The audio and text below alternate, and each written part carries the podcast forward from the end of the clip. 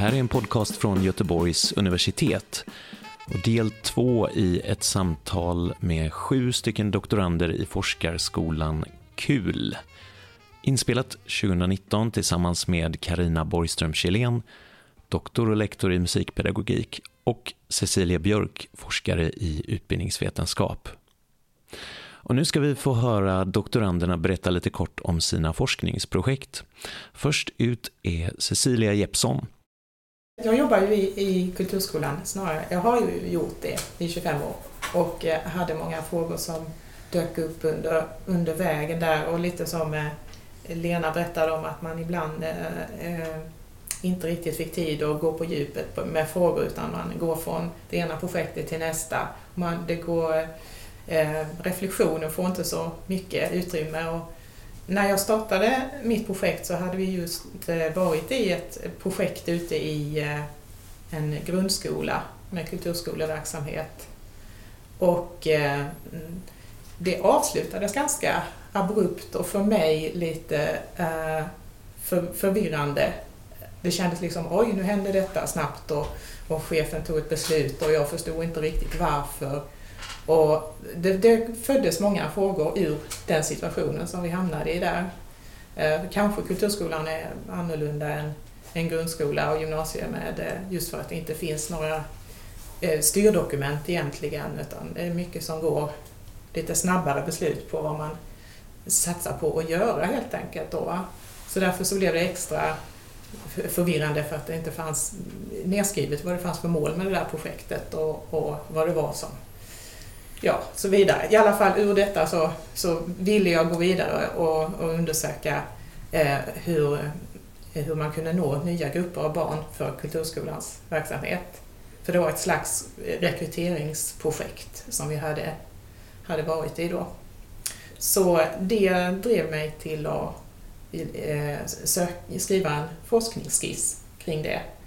Och, eh, och som jag kom in på då. Och sen så ganska snabbt så ändrades planen lite grann så att det här blev fyra olika eh, artiklar som jag skulle skriva i en, en så kallad sammanläggningsavhandling. Så då, eh, då började jag att få statistik till att börja med. Fick jag möjlighet kring kulturskolan och vilka grupper av barn som nås av kulturskolan.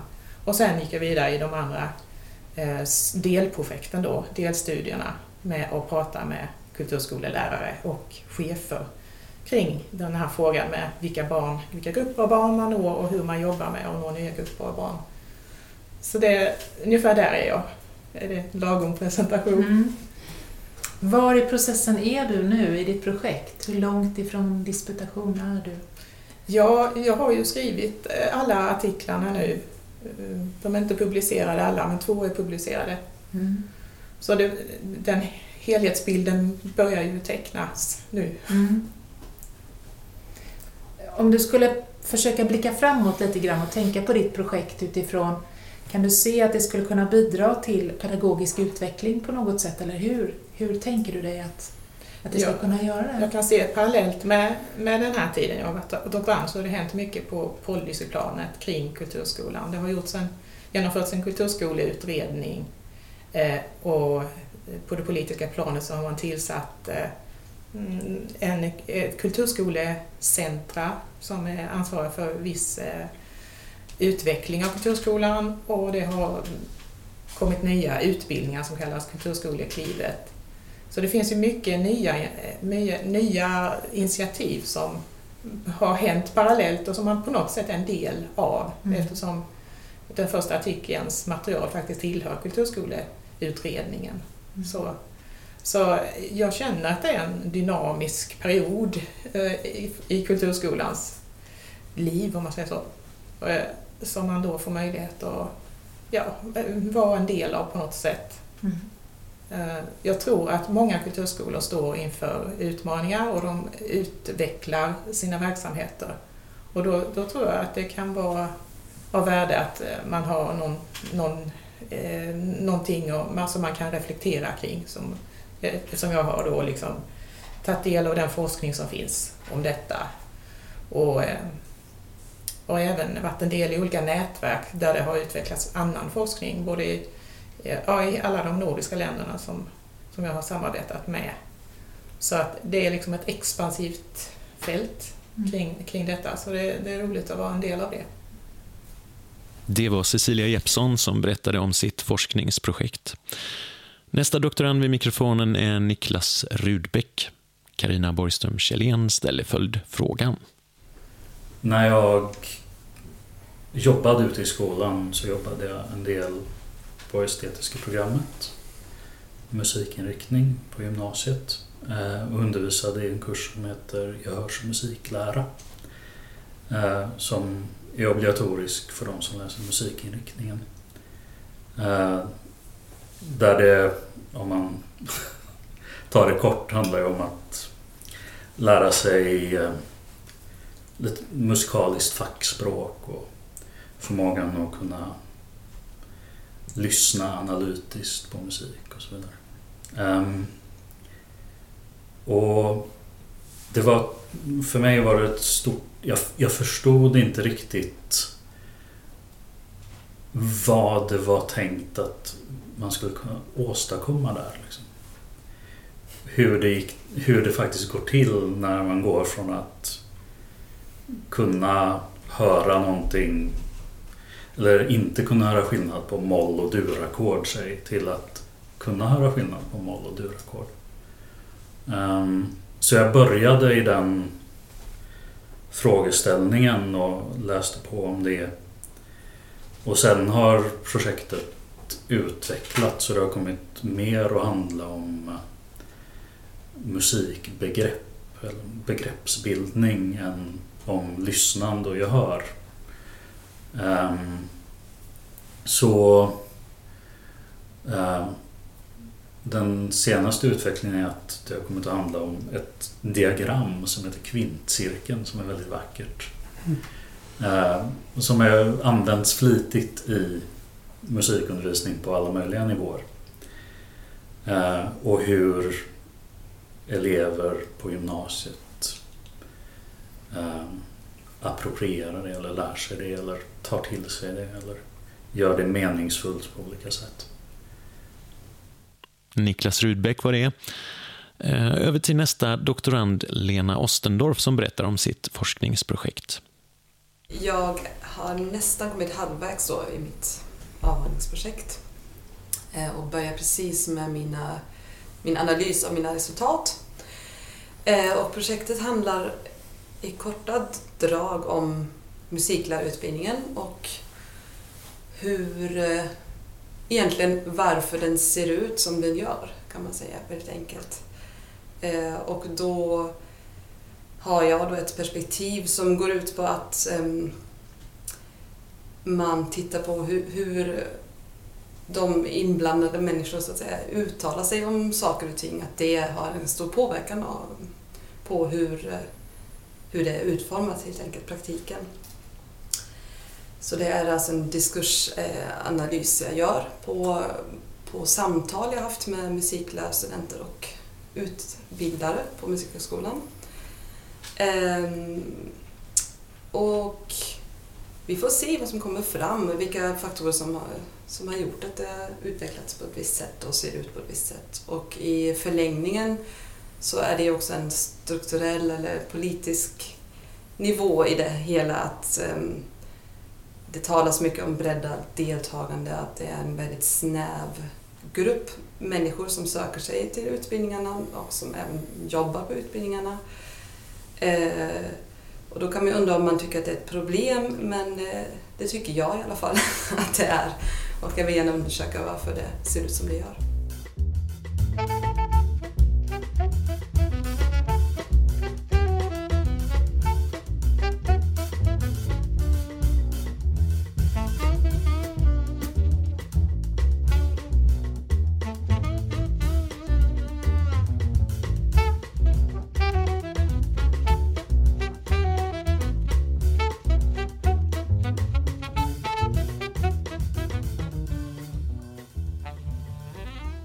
Det var Lena Ostendorf.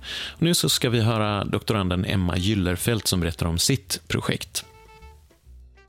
Eh, mitt fokus i mitt avhandlingsprojekt är slöjdundervisning eh, och nyanlända elever och jag eh, kommer att studera det här utifrån ett multimodalt perspektiv, det vill säga jag kommer att studera hur slöjdlärare interagerar eh, eller kommunicerar eh, med nyanlända elever just när man inte delar samma verbala språk men har andra resurser och andra möjligheter att ta till, till exempel blickar eller gester eller text eh, och bild på olika sätt.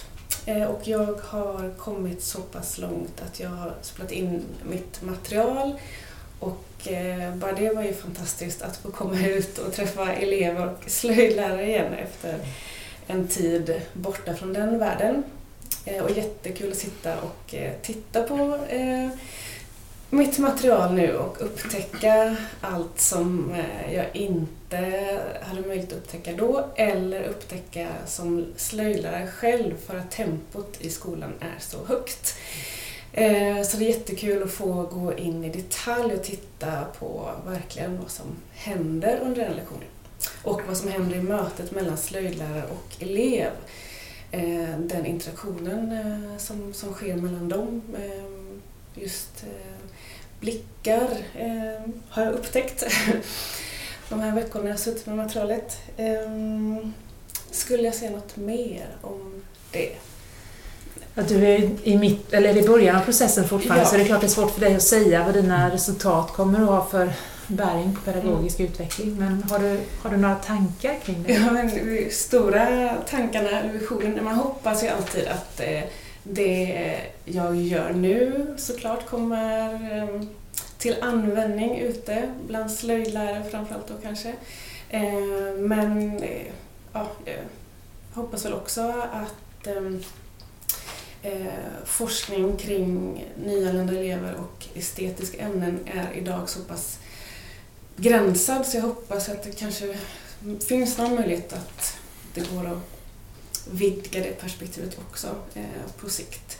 Eh, men, eh, nej, men jag hoppas att slöjdlärare såklart får användning för, för det jag har studerat. Vi hörde Emma Gyllerfelt.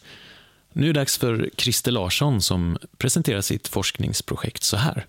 Jag har ett, eh, jag håller på med ett projekt som handlar om skola på vetenskaplig grund. Eh, ur ett musiklärarperspektiv. Um, och varför gör jag det? uh, jo, uh, det är mycket prat om skola på vetenskaplig grund. Uh, och kom ju en lagändring 2010. Och jag har också haft förmånen att, arbeta på skolor där man har jobbat mycket med de här frågorna i kompetensutveckling. Och, eh, och jag jag går ju en forskarutbildning så jag gillar ju uppenbarligen idén om en vetenskaplig grund. Eh, men det har inte pratat så mycket om det ur ett musiklärarperspektiv. Så jag är lite intresserad av det, en, en musiklärare på vet, musiklärarpraktik egentligen på vetenskaplig grund. Vad, hur gestaltar sig en sån? Eh, och, och, jag har precis som Cecilia berättade om här för en stund sedan då, så, så gör jag en som kallas sammanläggningsavhandling. Så jag eh, gör, ska göra fyra artiklar och jag har börjat på den första. Och då tittar jag på eh, Skolverket och texter och videos på deras webbplats och försöker liksom att förstå eh, lite hur, hur det, ja, talas eller skrivs om, om vetenskaplig grund och hur man kan förstå det, vad det innebär och, och sådär. Och sen är planen att jag ska ut och eh, intervjua musiklärare också. Och kanske skolledare. Det är, det är tidigt i processen så det är fortfarande mycket som står och väger lite sådär. Men det är mitt, eh, ja, det är mitt projekt. så. Christer Larsson var det. Över till Ola Henriksson. Mitt intresse är det muntliga berättandet som är storytelling och så vidare som är ett estetiskt uttryck. Alltså lärares muntliga berättande har, har ju varit en, en, en, har en lång historia. Alltså de allra tidigaste beläggen för någon form av undervisning eh, brukar oftast kopplas ihop med något slags muntligt berättande och så här. Samtidigt som många lärare idag vet att det har väldigt stor effekt, en slags vardagspedagogisk kunskap kring, kring att använda berättelser i undervisning finns. Men samtidigt så uttrycker de Eh, lärare som jag då har träffat och intervjuat att de inte gör det längre som de, som de skulle vilja. Så då är min eh, mm, vilja med den här avhandlingen som jag skriver att ta reda på det egentligen. Vad är, vad är det för verklighet som, som eh, lärare står inför som gör att de inte berättar så mycket som de skulle vilja? Vad är det som skulle kunna göra så att de gör det mer? Så det handlar liksom om det muntliga berättandet som en lärarpraktik. Eh, frågor man ofta får är men eleverna då? Så här. Och det är ändå ett, ett val som jag har gjort, som man måste göra i en sån här avhandling, att, att eh, välja perspektiv. Så då är det lärarrollen som jag tittar på. Mm, så jag är också, som, som Emma sa i alla fall, att jag är ute och träffar mycket lärare, träffar mycket elever, eh, spelar in eh, lärar lärares berättande eller lektioner och så här och observerar och jag tycker att det också är väldigt spännande och roligt att få tid att göra det här och analysera och tolka. Och jag tror att det kommer få betydelse. Ehm, för jag tror att det finns också en, en, ett växande intresse för det här.